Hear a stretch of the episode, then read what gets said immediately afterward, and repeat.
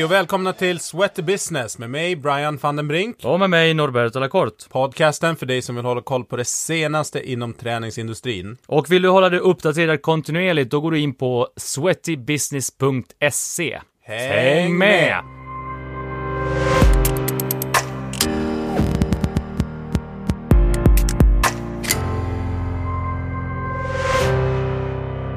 Jag har aldrig bommat på inspelningarna. Nej. Jo men då du gör en hel och så bara, nej, måste Nej jag- fy måste fan göra vad hemskt alltså. Höra av sig igen bara, det blev ingenting. Vi har ingenting på band. Ja men grymt! Vi, eh, eller jag är här i studion idag. Norberto är hemma och vabbar. Det är den tiden på året, vabbuari.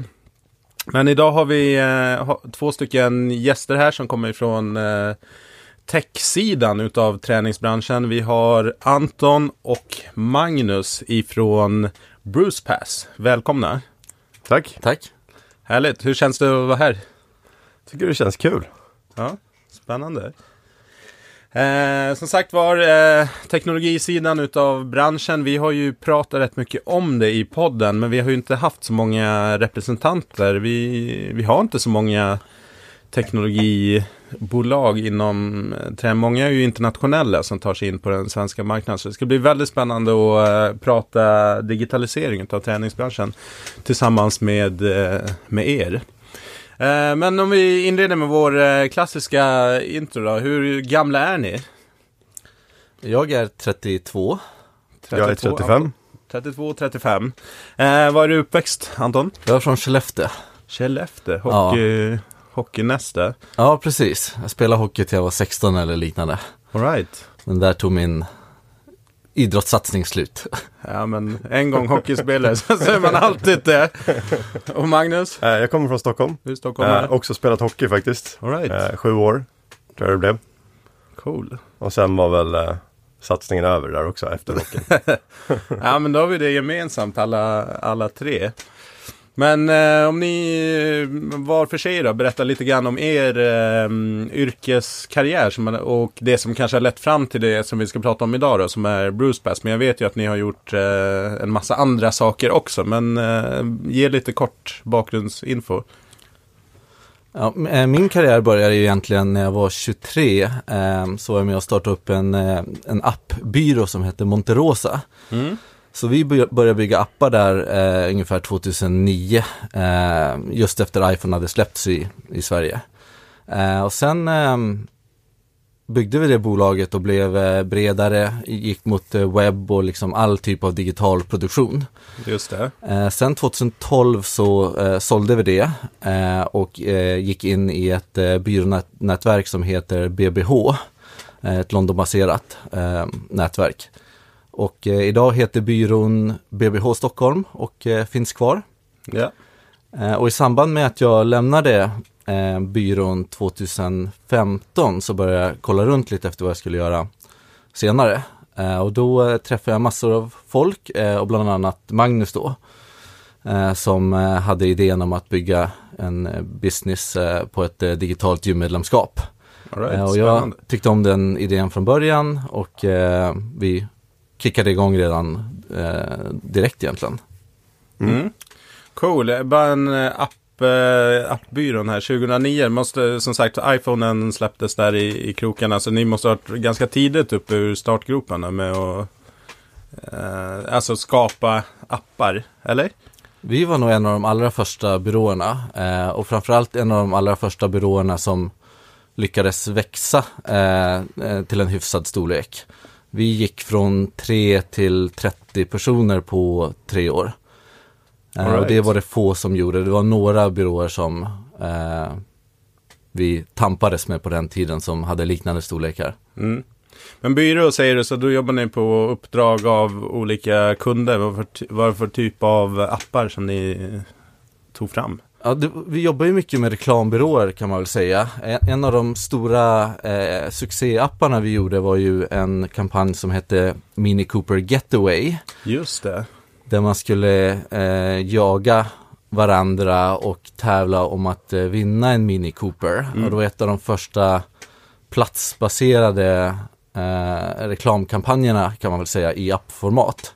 Eh, och den blev ju en jättestor succé och vann flera eh, guldägg och eh, kannlejon och liknande. Så att, eh, det. efter det tog det verkligen fart för oss. Så det är, för ni som inte är inne i reklamvärlden, så är det här typ Oscarsgalan, eh, galan, de här priserna för, för reklamvärlden. Men jag minns den eh, BMW Mini Cooper-kampanjen. Jag var ju aldrig inne och körde den själv, men det var svårt att, att missa den. Kul. Och Magnus, hur, eh, hur har din resa sett ut? Ehm, ja, min karriär började väl egentligen eh, när jag var 18. när jag var 18 då. Och eh, då startade jag ett företag direkt efter gymnasiet. Ehm, och vi gjorde, vi tog in ehm, den här eh, hoodie-tröjstrenden från USA där man har college-namnet på Just tröjan. det. Det fanns inte i Sverige. Så det var det jag började producera olika, eller hoodies för olika universitet och högskolor i Sverige. Och sen sålde vi dem då till alla studenter. Det var det första. Ah, Företagsprojektet. häftigt. Eh, och sen har det väl rullat på med företag sen dess egentligen. I olika format.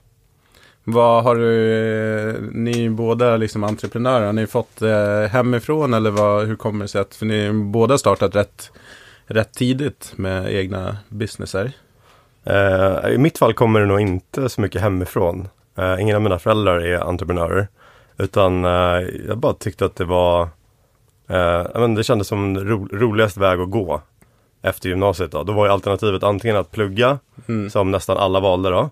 eh, Eller att testa att göra någonting själv. Jag tyckte det kändes eh, som ett större äventyr än att plugga då. Just det.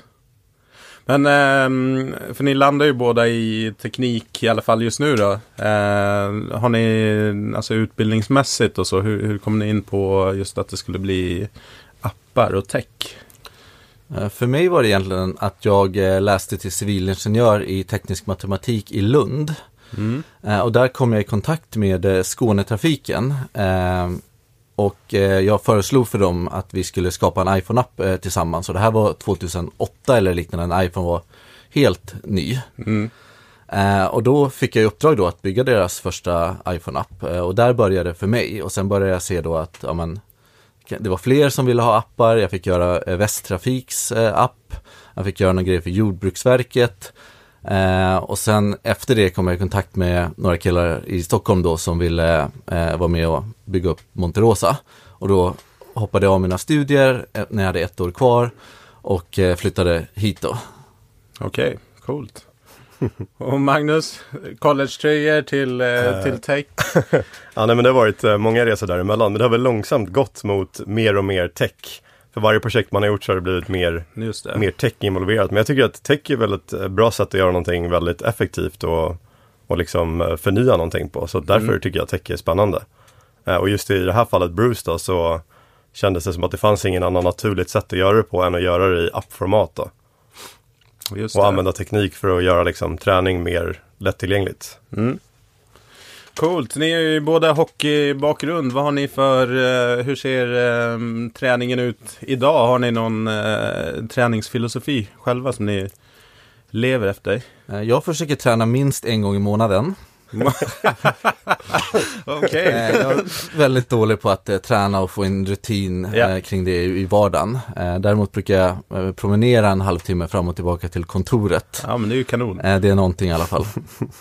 Ja men det är, egentligen så är det så här vardags, vardagsmotionen är någonstans värd mer än de här kanske spurtarna som man gör två, tre gånger i, i veckan. Det är väldigt mycket forskning som, som tyder på det, att röra på sig mer regelbundet varje dag.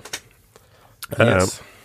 Ja, men, eh, jag tycker man ska eh, liksom, träna för att må bra och ha kul. Mm. Det känns som en, eh, en viktig del av min träning. Jag tycker att det lätt blir eh, lite stressigt och lite destruktivt om man håller på att tävla för mycket med andra. Det. Så jag försöker bara jag menar, ha kul och eh, njuta av att träna. I och med det är någonting jag ska göra varje dag förhoppningsvis resten av mitt liv. Så att, då måste det vara kul, annars blir det kortsiktigt. Vad blir det för träningsform om, eller när det blir av? Ja, men det, det är blandat, jag kör ju Bruce då, så jag, jag kör ju lite olika Mixar. hela tiden. Perfekt ambassadör. för- Nej, men nu är det mycket löpning faktiskt. Ja. Jag har hittat eh, mycket glädje i att eh, springa igen. Yes. Så att nu blir det mycket löpning kombinerat med lite thaiboxning, eh, lite klättring, eh, yoga ibland. Sådär, så det är lite blandat. Coolt. Ja.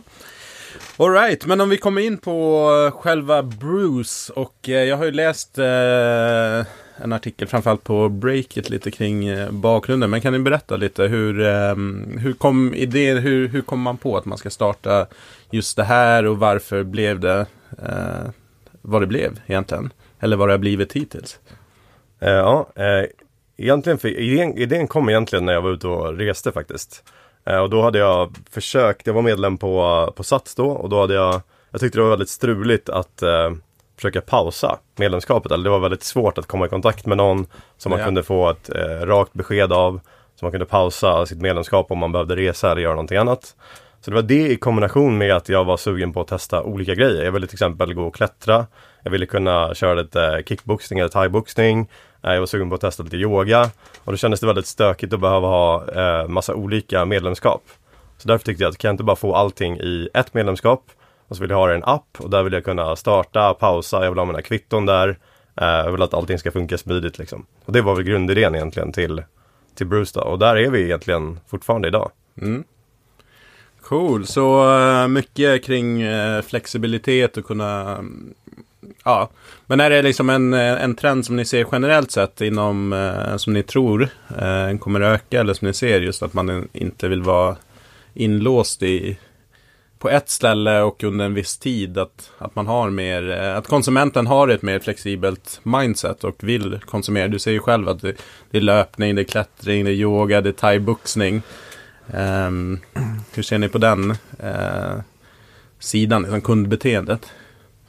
Ja, men jag tror att det är någonting som kommer eh, jättestarkt. Just Mm. att kunna eh, välja vad man vill träna för någonting. Och vara fri att testa nya saker. Och inspireras av andra, kanske hänga med en kompis eller en kollega och testa någon, eh, någonting nytt som man inte har provat förut. Eh, det känns som en jättestark trend att man vill eh, ha den friheten.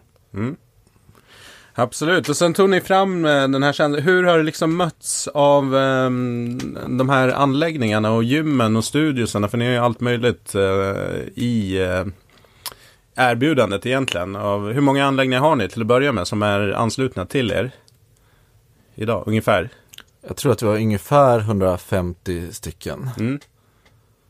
Hur, eh, hur var pitchen liksom och hur togs, togs det emot? För det är ändå ganska långt steg ifrån eh, de traditionella gymmen i alla fall 12 månaders eller 24 månaders liksom där man ska när man låser in på ett sätt kunden i, i det så ska kommer ni in med en, med en annan typ av lösning. Hur, hur togs det emot? Ehm, men det var ju lite svårt i början att få eh, de här studio och gymägarna att förstå vad Bruce var för någonting överhuvudtaget. Så att eh, det krävdes ganska många möten i början för att ens liksom komma igenom med vad är det vi faktiskt gör för någonting. Okej, det. vi ska skicka kunder och vi ska betala varje gång de kommer och besöker er och vi ska eh, marknadsföra er i vår app och sådär. Det tog lite tid innan liksom, vi fick de första eh, partnersen på båten då. Ja. Men eh, sen har det blivit lättare och lättare. Ju, ju fler som förstår vad vi gör och som tycker att vi gör bra grejer för andra studios och partners där. Eh, desto enklare blir det egentligen att hitta fler partners att jobba med. Så att nu känns det som att det är, ja men det, är- det, nu går det ganska lätt att hitta nya studios Mm. som vill jobba med oss. Hur ser själva mm, liksom, modellen ut om man ansluter sig som, som anläggning? Hur funkar liksom Bruce? Hur har ni lagt upp det? Så affärsmodellen funkar ju i princip så att eh, vi tar ju eh, betalt av våra medlemmar eh, löpande per månad eller med 12 månaders eh, bindningstid.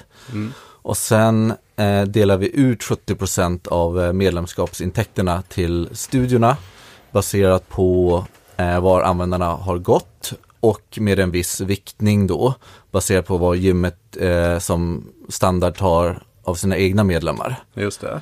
Eh, Så att en yogastudio på Östermalm eh, har ju en högre viktning då än ett gym ute i eh, förorten. Yes.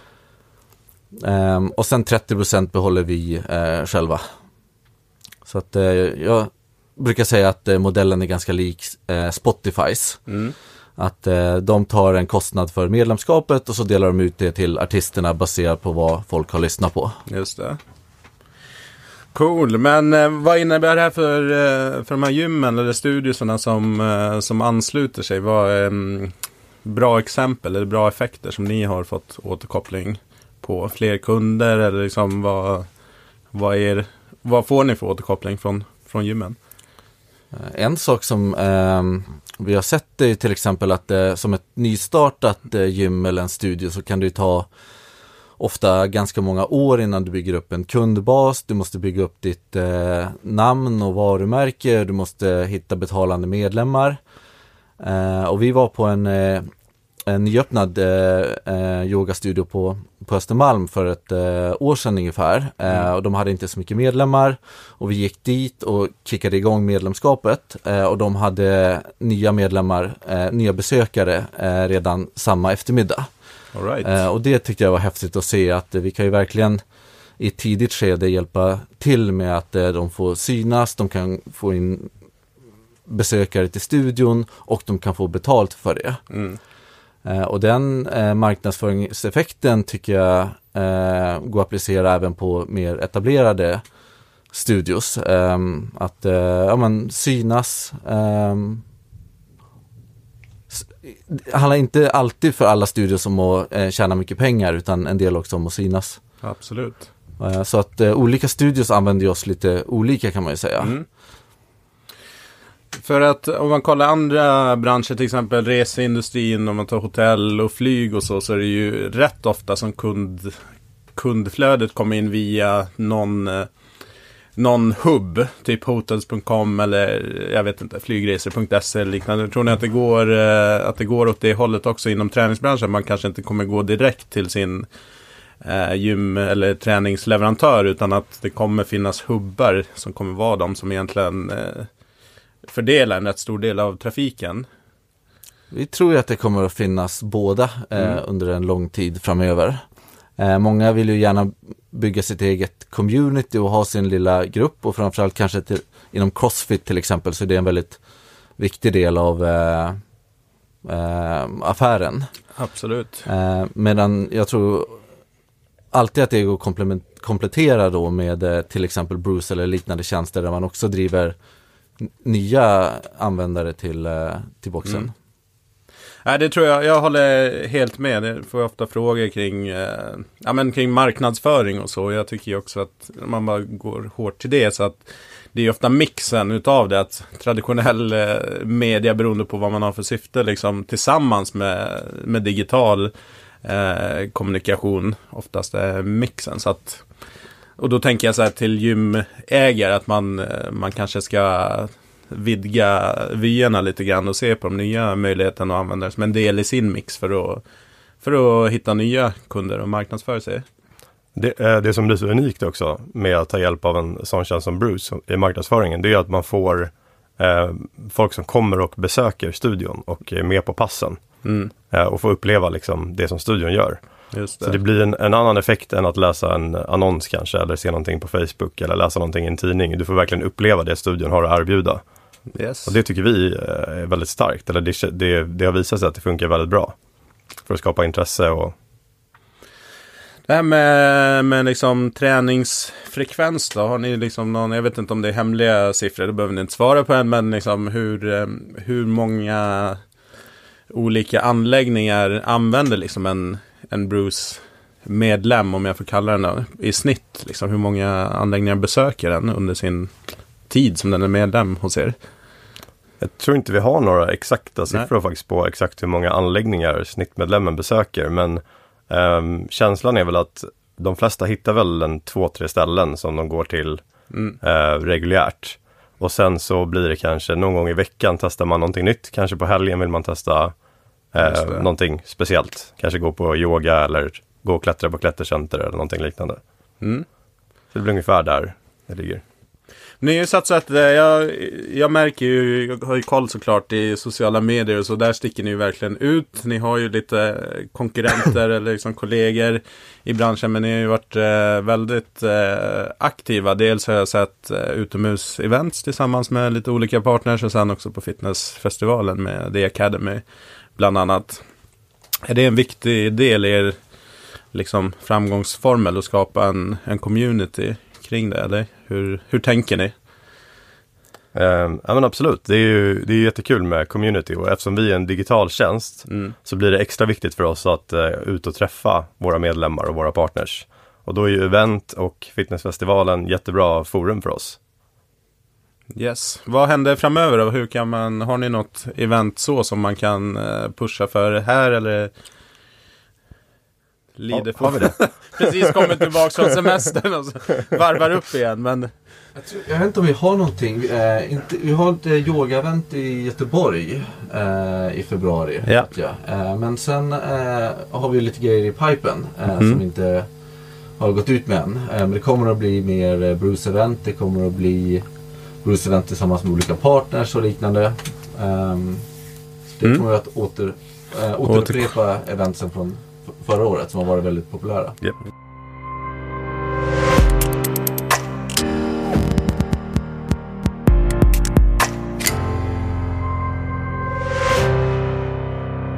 Alright, så internationellt sett så är ju liksom ClassPass amerikanska eh, motsvarigheten. Eh, ni får rätta mig om jag har fel, men eh, det är ju de som har blivit stora internationellt sett och som det har pratats eh, kring. Hur ehm, skiljer ni er där liksom? Hur differentierar ni? Ni kanske inte differentierar er mot dem, men finns det några skillnader i liksom deras upplägg och hur ni, ni har tänkt och förfinat för, för den här marknaden? En tydlig grej är att ClassPass bara bygger på pass. Eh, Medan vi också har öppen träning. Eh, du kan ju till exempel inte gå och klättra eller simma på samma sätt med, med ClassPass. Just det. Och det kanske det är att den typen av träning är vanligare i Sverige men det behövs ju verkligen i Stockholm i ett gymmedlemskap. Kan inte bara bygga på eh, pass. Eh, sen en stor skillnad tycker jag att vi har eh, ClassPass finns ju i 50 städer eller liknande. Mm. Medan vi har medvetet valt att eh, satsa väldigt eh, lokalt och försöka bygga den absolut bästa tjänsten här innan vi kollar på fler eh, städer eller länder. För ni finns i Stockholm, Göteborg Malmö också eller? Eller vilka? Inte Malmö än. Inte Uppsala, Malmö. Uppsala finns vi Uppsala. lite. All right. Men Stockholm och Göteborg är de stora liksom, städerna som vi har satsat Mm. på hittills. All right. Eh, Det finns ju väldigt mycket att göra liksom, på eh, varje marknad. Att, eh, för det första har vi kopplat ihop eh, med de underliggande gymsystemen. Eh, och de är ju väldigt lokala. Det är inte alls samma system som du använder här som kanske i Norge eller Finland eller i. USA. Eh, och det tar ju mycket tid och det har varit en stor del av vårt fokus att verkligen vara så vassa vi kan på den lokala marknaden först. Mm. Och där känns det som att ClassPass har en helt annan filosofi. Att de vill eh, växa snabbt, gå till många städer, spendera mycket pengar eh, och sen ta över marknader. Just det. All right. Men eh, den tekniska sidan här då med till exempel integration till bokningssystem och, och liknande. Hur, eh, hur mycket energi och tid har det, har det tagit? Och liksom är det, mm, du, du nämner ju det, nämner det här, men eh, hur, vad är din upplevelse av eh, teknologin, den bakomliggande inom, inom träningsbranschen? Eh, vi, såg ju ganska tidigt att eh, det finns ett stort mervärde i att göra de här integrationerna då. Mm. Eh, men den marknaden är också väldigt splittrad. Eh, bara i liksom Stockholm finns ju förmodligen eh, ja, men 6, 7, 8 system. Just det. Eh, Så att vi har lagt jättemycket tid då på att eh, skapa relationer med de här systemen, se till att vi kan koppla ihop oss. Eh, Så att studiorna har ju då eh, möjlighet att se våra bokningar i sitt eget system istället för att ha flera olika separata. Och det är ett jättevärde. Och det ger oss också möjligheten att till exempel fylla upp lediga platser. Så vi kan hela tiden se på varje studio hur många platser de själva har lediga. Mm. Och sätta regler till exempel att om det är 24 timmar kvar fortfarande finns plats så kan vi släppa på ännu fler. Och är det fullt så släpper vi inte in Just fler. det. Så studierna behöver inte allokera platser till oss i förväg utan vi kan ha en mycket mer dynamisk modell där och den har funkat jättebra. Mm. Och det har också tagit väldigt mycket tid att komma dit. Eh, senaste året har vi ju suttit mycket med det. All right. Bra. Ni har ju, jag läste att ni har valt att um, växa organiskt. Så att eh, en vanlig, vanlig väg inom tech är ju att man, man startar upp och sen tar man in kapital för att kunna växa. Men hur tänker ni själva kring tillväxt och så vidare? Ja, men, eh, vi, vi har ju valt eh, tidigt då, att inte ta in kapital Mm. eh, eller extern finansiering. Och eh, det, det har flera olika anledningar men eh, den största anledningen är väl att vi har eh, fokuserat all energi och tid på att bygga produkten istället. Så det har inte funnits något utrymme för oss att spendera massa tid på presentationer eller träffa massa olika investerare och så vidare. Och det är en ganska lång process också om man vill göra det bra. Mm. Så det tar ju tid liksom. Så att vårt fokus har varit på att bygga produkten, komma snabbt till marknaden, lära oss väldigt fort av kunder och partners och sådär och hela tiden iterera produkten och försöka göra den bättre. Häftigt. Jag tänker eh, för att den, många som kanske går i tankarna oavsett om det är en, techprodukt en eller om en mer fysiskt en träningsanläggning eller verksamhet tänker ju liksom i termer av finansiering och ta in kapital ifrån andra. Vad finns det för nackdelar som, som ni ser med att ta in eh, kapital utifrån? Vad innebär det liksom för, eh, vad kan det innebära för businessen? Vi har ju pratat med en hel del investerare bara liksom för att känna av läget. Mm. Och jag tycker att i allmänhet så har de ofta ganska bråttom på att gå utomlands och liknande. De vill ju hitta den här stora liksom megasuccén, eh, det här miljardbolaget och de vill komma dit snabbt. Och de är också beredda att ta ganska höga risker för att komma dit. Mm. Eh, de, de vill inte bygga ett liksom välmående Stockholmsbolag utan de vill gasa ut i Europa. Eh, och det där kanske inte riktigt eh, liksom sammanfaller med hur vi tänker. Och det är viktigt att man, man, man har samma syn på vägen framåt om man det. ut kapital. Mm. Nej, men för potentialen är ju enorm, särskilt när man kommer till eh, techvärlden. Att hittar man en modell som funkar så, så kan man ju ta den till, i, i alla fall i, i teorin, ta den till andra marknader och fungera på liknande sätt. Men vad ser ni för, för jag antar att även om ni vill bygga ett, eh, ett, en jättebra produkt och liksom lyckas här så, så gissar jag att det ändå finns ambitioner om att växa sen, eh, sen på sikt. Men ehm, vad, eh, vad ser ni för eh, vad ser ni för, eh, till att börja med, vad ser ni för potential? Finns det liksom liknande marknader som skulle kunna vara, vara attraktiva? Eller affärshemligheter? Ja, vi har ju alltid pratat om eh, Norden egentligen. Mm. Eh, att kanske kolla på Oslo, Köpenhamn eller eh, Helsingfors till att börja med. Vi tror ju att de kanske är liksom närmast den eh, svenska marknaden och att det kanske inte finns så många internationella aktörer som har satsat på de länderna än. Nej. Vi vet ju till exempel att Tyskland redan har eh, flera stora liksom, liknande tjänster med eh, massa kapital i ryggen som försöker gasa där. All right. Så det är kanske mindre attraktivt i ett första steg. Mm. Men sen känner vi också att eh, den här typen av affärsmodell och eh, gymbranschen är på något sätt så stor så att bara liksom i Stockholm går det att bygga någonting väldigt bra. Eh, utan att eh, ja, men, börja fundera på ja, Nästa steg. Ja. ja, men det låter vettigt. Vi fick ju en fråga härifrån eh, Jon Wingård, en, eh, en eh, lyssnare och följare som är väldigt aktiv. Men han frågar just där, eh, är det lättare för er att ta en stad till i Sverige eller Skandinavien kontra till exempel gå till London som är ja, en av de största marknaderna i, i Europa om man bara ser till, till städer eller regioner. Jo men eh, så är det ju helt klart. Eh, och det är, en av de största anledningarna är ju att vi till exempel har kopplat till många system som Mm. finns i Sverige redan. Så där eh, sparar vi mycket tid om vi tar en stad i Sverige istället för att gå till till exempel London då, eller någon stad i Tyskland. Eh, sen finns det ju många andra barriärer för att gå utomlands. Eh, och det är ju nya juridiska regler, det är nya företag som ska sättas upp och så vidare. Så att absolut är det enklare att ta en till stad i Sverige. Eh, men en, som Anton var inne på, så Norden är väl det vi eh, tittar på härnäst och är Yes. mest sugna på. Bra, men ehm, hur eh, träningsbranschen generellt då? Vad, ni kommer ju utifrån eh, och kan ha hyfsat liksom eh, fräscha ögon, ha mer erfarenheter från, från andra branscher. Träningsbranschen liksom lokalt i Sverige och Skandinavien, hur vad tänker ni när ni, när ni ser på den? Ser ni ur tech-perspektiv kanske? Hur Ja, men jag, tycker den är spännande. ja. Eh, det känns som att det finns mycket, mycket roliga entreprenörer inom träningsbranschen. Det finns eh, mycket glädje och vilja att eh, förändra och göra bra saker. Så Mm. jag tycker det är en väldigt spännande bransch att jobba i. Yes. Bra. ehm, hur... ehm, vi, vi fick tips här av en eh, tidigare gäst ehm, som heter Erik Börjesson, som är Peter. Han sa att ni har förmodligen gäster som eh, läser en hel del eller lyssnar på ljudböcker. Har ni något som ni har lyssnat eller läst på, på sistone som, som är intressant och det dela med er utav?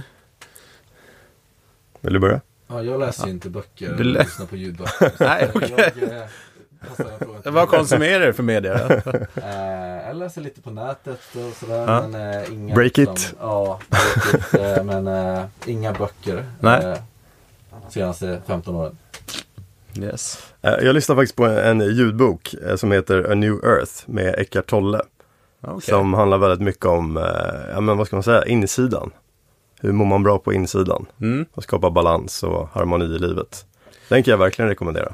Häftigt. Du nämnde ju här innan när vi tog, eh, jag och Anton tog varsin espresso, att du har eh, lagt ner kaffe sedan två och en halv eh, månad tillbaka. Handlar det Yes. om någon slags testa lite och göra någon inre resa eller vad? Eh, ja, nej, men det, det är väl ett eh, sätt att eh, testa och se hur kroppen reagerar på att eh, inte bli stimulerad hela tiden Mm. av olika saker.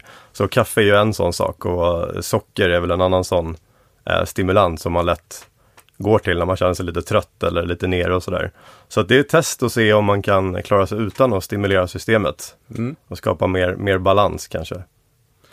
Hur, eh, hur ser en arbetsdag ut för er? Man inbillar sig, eller bilden utifrån så här, man inte jobbar inom just tech. Det är ju liksom att Ja men det är chill och det är lite biljard och det är såklart långa, långa dagar. Men, men hur ser det ut egentligen? Och jobb, vad, hur ser en vardag ut för er?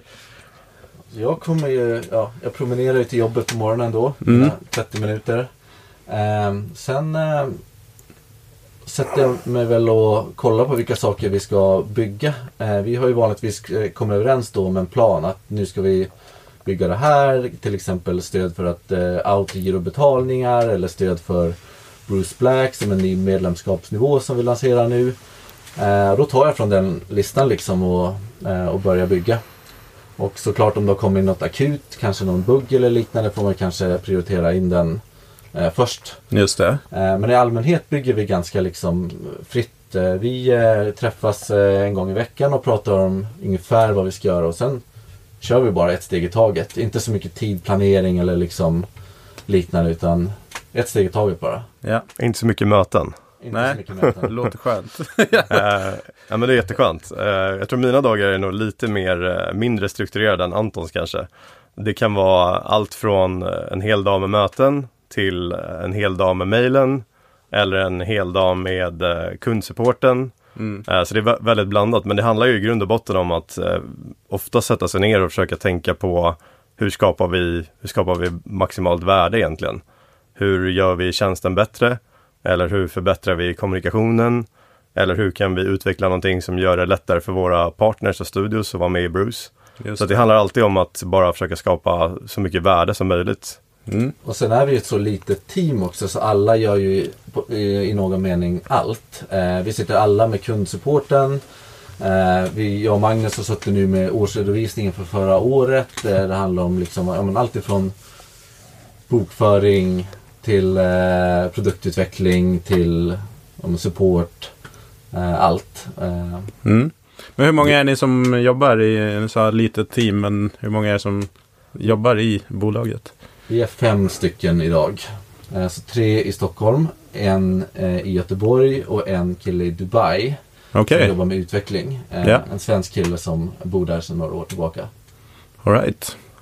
Om man då är, eh, driver en anläggning eller tänker starta en, en anläggning och är, och är sugen på att ansluta sig till Bruce, hur kommer man i kontakt med er?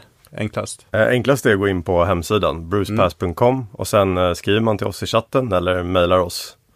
Så kommer man i kontakt med någon.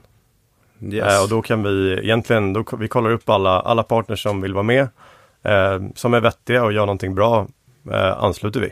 Och sen kan man egentligen eh, samma dag egentligen börja ta emot Bruce-medlemmar. Okej. Man behöver få ut en, eh, en liten QR-kod och så ibland behöver vi göra en koppling mellan systemen då.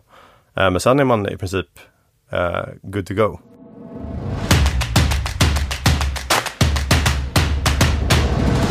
Då är vi framme vid vår eh, sista sektion som är sex snabba frågor. Så jag börjar med Anton, en app som du använder mycket.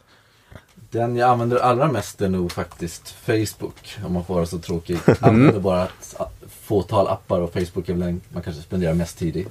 Yes. För jobbsyfte eller både Eller man kanske gör både och i och för sig i den. Men Jag tror bara för att eh, som avkoppling mellan kodraderna så kollar Mm. man om det har hänt någonting där eller liknande. Läser någon artikel och liknande. yes. Och Magnus?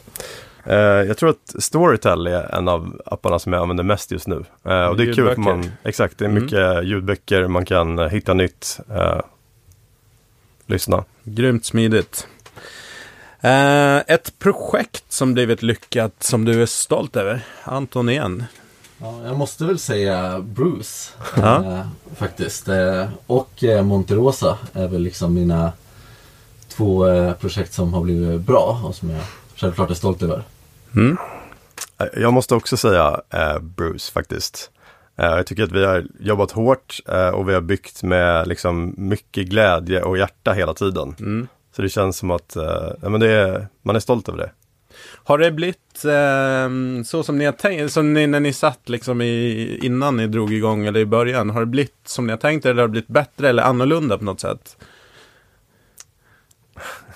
Ja, det är jättemycket som har blivit annorlunda än vad, än vad vi hade tänkt oss. Men, men eh, grundkonceptet är fortfarande exakt detsamma som det var första gången som jag träffade Anton egentligen. Mm. Så att eh, grundidén finns där och sen har man eh, stött på massa saker som man inte hade förväntat sig att stöta på när man väl är live och, och rullar. Så att eh, det är jättemycket som har ändrats men, eh, men kärnan är, är kvar. Det är densamma.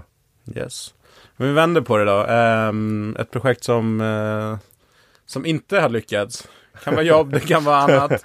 Ja, nej, men det, det finns många. Eh, eh, men eh, nu senast är väl ett, ett annat företagsprojekt då, som jag eh, försökte sjösätta som heter Spason där vi skulle samla alla Sveriges spahotell som man kunde upptäcka och boka via en sajt. Just det. Eh, och det gick inte vägen. Det, Nej. det, Jag har ju egentligen ett antal projekt som jag påbörjade efter jag slutade på Monterosa. Eh, Monterosa gick ju jättebra och, och efter det så känner man ju en viss eh, press då att nästa sak man ska göra blir bra. Så därför eh, pratade jag med massor av olika människor som hade idéer och började också eh, koda på många olika grejer i samband med det här. Bara Bruce var ett av dem. Mm. Och man kan väl säga att alla övriga projekt eh, var misslyckanden och Bruce var den eh, det projektet som stack ut då och som har visat sig ha stor potential. Mm. Bra. Ehm, mäktigaste personen, fri tolkning här eh, i ert nätverk eller telefonbok så ni kan kontakta hyfsat smidigt. Jag skulle nog säga eh, Olle Aronsson på Breakit. Ja. Eh, som just har seglat upp som Sveriges andra största affärssajt, tror jag. Ja, Eh, superhäftigt. så de, är, de är grymma eh, och eh, så jag tycker han är mä- mäktig. Mm. Magnus? eh, jag, jag vet faktiskt inte om jag har någon eh, mäktig person i mitt nä- nätverk. eh, men jag, jag tycker att nä, det är mycket prat om nätverk tycker jag. Och jag, vet inte jag, jag, kan tycka att det kanske är lite overrated. Eh, och det känns som att man kan nå fram till nästan vem som helst om man har tillräckligt mycket vilja och tillräckligt mycket passion. Mm. Så den man behöver nå kan man nå när man behöver den. Yes. Bra, en person som ni ser upp till eller har haft som eh, förebild på vägen fram. Eh, jag skulle vilja lyfta eh, Truecaller-grundarna, Allan och eh, Nami som jag har haft eh, kontakt nu på senare bland annat med eh, prata om Bruce och liknande och jag tycker om att de, de har gjort en grym resa. Eh, de är båda liksom eh, kodare från början, har liksom eh, byggt, eh, byggt mycket själva och gjort liksom många grejer bra. Eh, så de tycker jag är eh, bra, bra förebilder på techscenen i, i Sverige. Yes. Mm. Jag vet inte. Jag, jag ser upp till många på ett sätt men jag försöker också vara liksom den bästa versionen av mig själv någonstans. Eh, men inspirerad blir man ju hela tiden och eh, jag tycker Elon Musk är väl ett exempel på någon som inspirerar mycket. Eh, Steve Jobs innan han gick bort, Mm. eh, också en stor inspiration. Just det. Alright då, och sista då. En trend som ni tror kommer slå framöver inom träningsbranschen specifikt då? Ska jag börja på den? Jag, jag tror att eh, en trend som kommer slå det är att, eh, ehm, att vara fri och träna varierat och på massa coola små studios istället för att vara bunden till en stor, kanske lite tråkig gymkedja. Ja. Ja, men jag håller med liksom. Det finns eh, eh, massa saker man kan eh, bygga inom eh, tech eh, och träning. Eh, det finns ju många saker vi inte ens har börjat kolla på som liksom ja, men, sociala features och liknande. Hur man kan träna ihop och, och, och så. Så där vill, vill ju vi ligga i framkant och hänga på de trenderna. Och Just kanske det. driva de trenderna. Mm. Coolt. En um, grej som har slagit mig då, du, vi pratade, du, du dissade nätverk, men jag, jag personligen upplever det som att man, ehm, man är rätt dålig i tennisbranschen på att underhålla sin, sin community, i alla fall digitalt. Man är duktig på kanske vissa enskilda anläggningar och gärna liksom de som kanske har en eller max två anläggningar ute i i landet ofta som är liksom duktiga på att bygga en stark community medan typ kedjor och liknande blir ganska opersonligt trots att man har en stor massa medlemmar. Ser ni samma eller har ni, tycker ni att jag har fel i den åskådningen? Nej, men jag tror det stämmer jättebra. Jag tror det ligger lite i sakens natur att eh, blir man för stor så tenderar allting att bli väldigt inrutat och lite fyrkantigt. Så man tappar kanske den här eh, passionen och drivet som man har när man, när man är lite mindre och driver sitt eget ställe. Och Ja, verkligen är passionerad för en viss typ av sport, som typ crossfit till exempel. Eller yoga eller någonting annat. Yes. Och slutligen en sista fråga här från Jon också. Eh, hur många aktörer finns det plats för på marknaden? hur långt är ett snöre? Men har ni några några tankar på? Ni har ju ändå några, några konkurrenter. Men eh, vad tror ni? Kan flera samsas på samma marknad? Vi har ju alltid sagt att eh, det finns plats för flera. Eh, gym, gym och träningsbranschen är ju liksom stor och vi ser redan att det finns eh, många gymkedjor som kon- konkurrerar eh, på samma område och alla har hittat sin nisch. Och det tror jag att det finns möjlighet att göra även inom ja, men, digitala träningsmedlemskap. Men med det sagt så kommer ju vi att göra allt vi kan för att försöka ta en så stor del av den kakan som möjligt. Yes. Cool, om man vill följa um, Bruce, vart gör man det enklast? Någonstans? Eh, jag skulle säga Instagram och då är det um, Bruce Pass som är vår tag på Instagram. Mm. Finns även eh, Facebook. Ja. Men det är mest Insta som ni...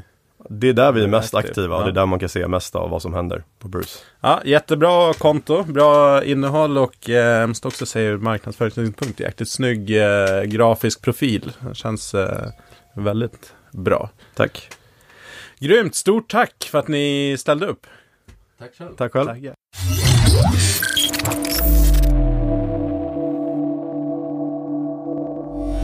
Glöm inte bort att följa oss i sociala medier. Vart finns vi? Vi finns som Sweaty Business Media på Instagram, Facebook, YouTube och LinkedIn. Och ratea oss jättegärna i er poddspelare så vi kan nå ut till ännu fler lyssnare. Precis. Och glöm inte bort nu, vi finns på sweatybusiness.se.